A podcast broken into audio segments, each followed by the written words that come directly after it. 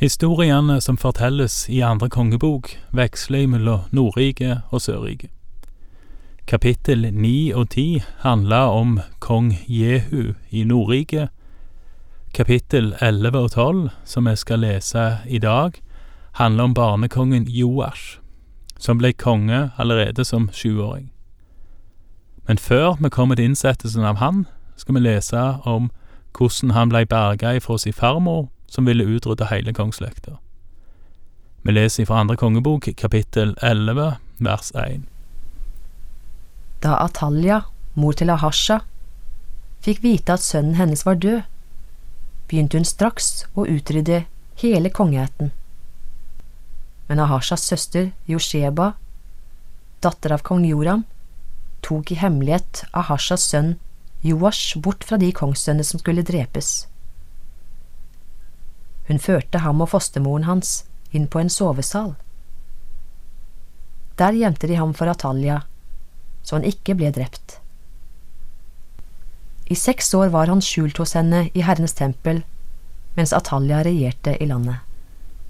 Hva som var grunnen til at eh, Ataya, mor til Ahasha, prøvde å utrydde hele slekta, ja, sine egne barnebarn, det framkommer vel ikke helt. Kanskje var det så enkelt at hun ønsket å regjere sjøl på kort sikt, eller så hadde hun en plan på lengre sikt om å bygge opp ei ny kongsett. Uansett så var vel hun, sånn som jeg kan forstå, inngift, og hadde hun klart å utrydde alle arvingene, så hadde hun vel egentlig òg klart å utrydde Davidsætta ifra trona, og da framover i tid. Hun lyktes ikke i det, heldigvis, og vi leser om når Joash blei innsatt ifra vers fire. Men i det sjuende året sendte presten Jojada bud etter hundremannsførerne for livvakten og for vaktmennene, og lot dem komme til seg i Herrens hus. Han sluttet en pakt med dem og tok dem i ed i Herrens hus. Så viste han dem kongssønnen og ga dem ordre om hva de skulle gjøre. Den tredjedelen av dere som gjør tjeneste ved kongens slott på sabbatsdagen, den tredjedelen som er ved surporten, og den tredjedelen som er ved porten bak vaktmennene. Dere skal skiftevis holde vakt ved tempelet. Og de to avdelingene av alle dere som skal ha avløsning på sabbaten, skal holde vakt over kongen i Herrens hus. Dere skal stille dere i en ring omkring kongen, hver mann med våpen i hånd. Om noen trenger seg inn i rekkene, skal han dø. Dere må følge kongen hvor han går og står. Hundremannsførerne gjorde i ett og alt som presten Jojada bød dem. Hver tok sine menn. De tok både dem som gikk på vakt på sabbaten, og dem som skulle ha avløsning, og kom til presten Jojada. Presten ga hundremannsførerne de spydene og skjoldene som hadde tilhørt kong David og som var i Herrens hus. Og vaktmennene stilte seg opp, hver mann med våpen i hånd, fra sørsiden til nordsiden av tempelet, nær ved alteret og selve tempelhuset, i en ring omkring kongen. Så førte Jojada kongssønnen ut, satte kronen på ham og ga ham kongesymbolene. De utropte ham til konge og salvet ham, klappet i hendene og ropte Leve kongen! Da Atalja hørte ropet fra vaktmennene og folkemengden, gikk hun opp til folket i Herrens hus. Der fikk hun se kongen stå ved søylen, slik skikken var, og høvdingene og hornblåserne ved siden av ham, mens hele folket jublet og blåste i trompeter. Da flerret Atalja klærne sine og ropte Forræderi! Forræderi! Men presten Jojada ga hundremannsførerne, de som sto i spissen for hæren, denne ordren. Før henne ut mellom rekkene. Følger noen etter henne, så drep ham med sverd. For presten hadde sagt, hun må ikke drepes i Herrens hus.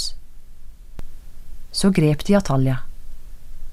De førte henne gjennom hesteporten og inn i slottet, og der ble hun drept. Legg merke til presten Jojada som har ei sentrale rolle her, mens kongen Joash var liten. Egentlig ganske likt, syns jeg, hvordan presten Eli tok seg av profeten Samuel når han var liten.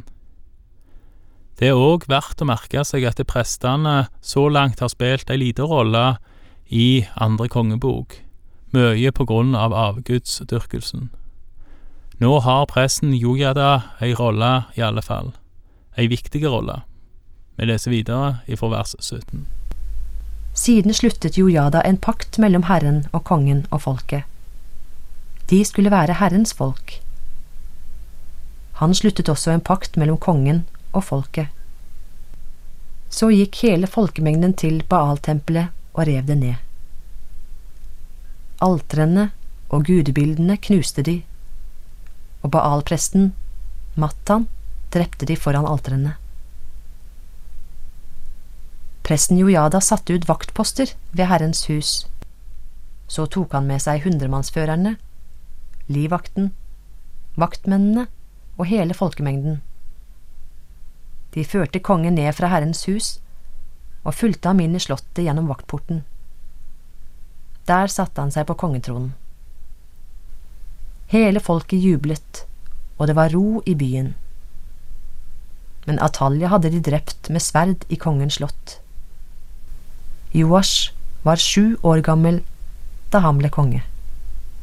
Og med historien om kroninga av barnekongen Joash som sjuåring og drapet på dronning Ataya, to hendelser som begge skjedde på da samme dag, og som begge var under ledelse av presten Jojada, så slutter kapittel 11 i andre kongebok.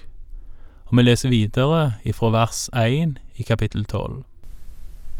Det var i Jehus sjuende regjeringsår at Joas ble konge, og han regjerte i Jerusalem i 40 år. Hans mor het Sibia og var fra Beersheba. Så lenge han levde, gjorde Joas det som var rett i Herrens øyne, slik presten Jojada hadde lært ham. Men offerhaugene ble ikke nedlagt. Folket fortsatte å ofre og tenne offerild på haugene. Joash sa til prestene.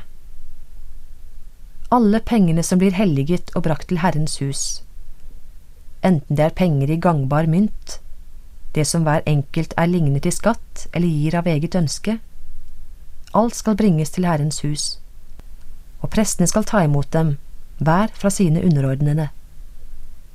Så skal de sette tempelet i stand, alle steder hvor det er skadet. Men i det 23. året Joash var konge, hadde prestene ennå ikke utbedret skadene på tempelet. Da kalte kong Joash presten Jojada og de andre prestene til seg og sa, Hvorfor utbedrer dere ikke skadene på tempelet? Nå skal dere ikke lenger ta imot penger fra deres underordnede, men gi dem fra dere, så skadene på tempelet kan utbedres. Presten gikk med på at de ikke lenger skulle ta imot penger fra folket, men så skulle de heller ikke sette i stand tempelet. Det kan være fristende her å trekke konklusjonen at prestene underslo penger eller var korrupte. Det trenger ikke være tilfellet. Samme historien som står gjengitt her, er også gjengitt i andre krønikebok 24. Heller ikke der står det eksplisitt at prestene var korrupte eller underslo penger eller noe sånt. Det som står der, er at prestene, eller levittene, de skyndte seg ikke. De hadde det ikke travelt nok med å samle inn disse pengene. Eller kanskje en med andre ord kan si, si de prioriterte kanskje ikke oppgaven høyt nok. Det er vel veldig mye bedre enn å være korrupt, men på den andre sida så blei ikke tempelet fiksa heller. Presten Jojada har derfor en alternativ løsning som kutter ut ganske mange mellomledd. Vi leser videre ifra vers 9 om denne løsningen. Presten Jojada tok en kiste, boret hull i lokket og satte den på høyre side av alteret. Når folket kom til tempelet, la prestene som holdt vakt ved inngangen, alle pengene som kom inn til Herrens hus i kisten. Når de så at det var mange penger i kisten, kom kongen skriver og overpresten. De samlet og talte opp pengene som fantes i Herrens hus. Siden veide de opp pengene og ga dem til arbeidslederne som hadde tilsyn med Herrens hus, og de ga dem videre til tømmermennene og bygningsfolkene som arbeidet på tempelet, til murerne og steinhoggerne. De brukte dem også til å kjøpe tre og tilhugget stein, så de kunne utbedre skadene på Herrens hus. Slik dekket de alle utgiftene med å holde tempelet i stand.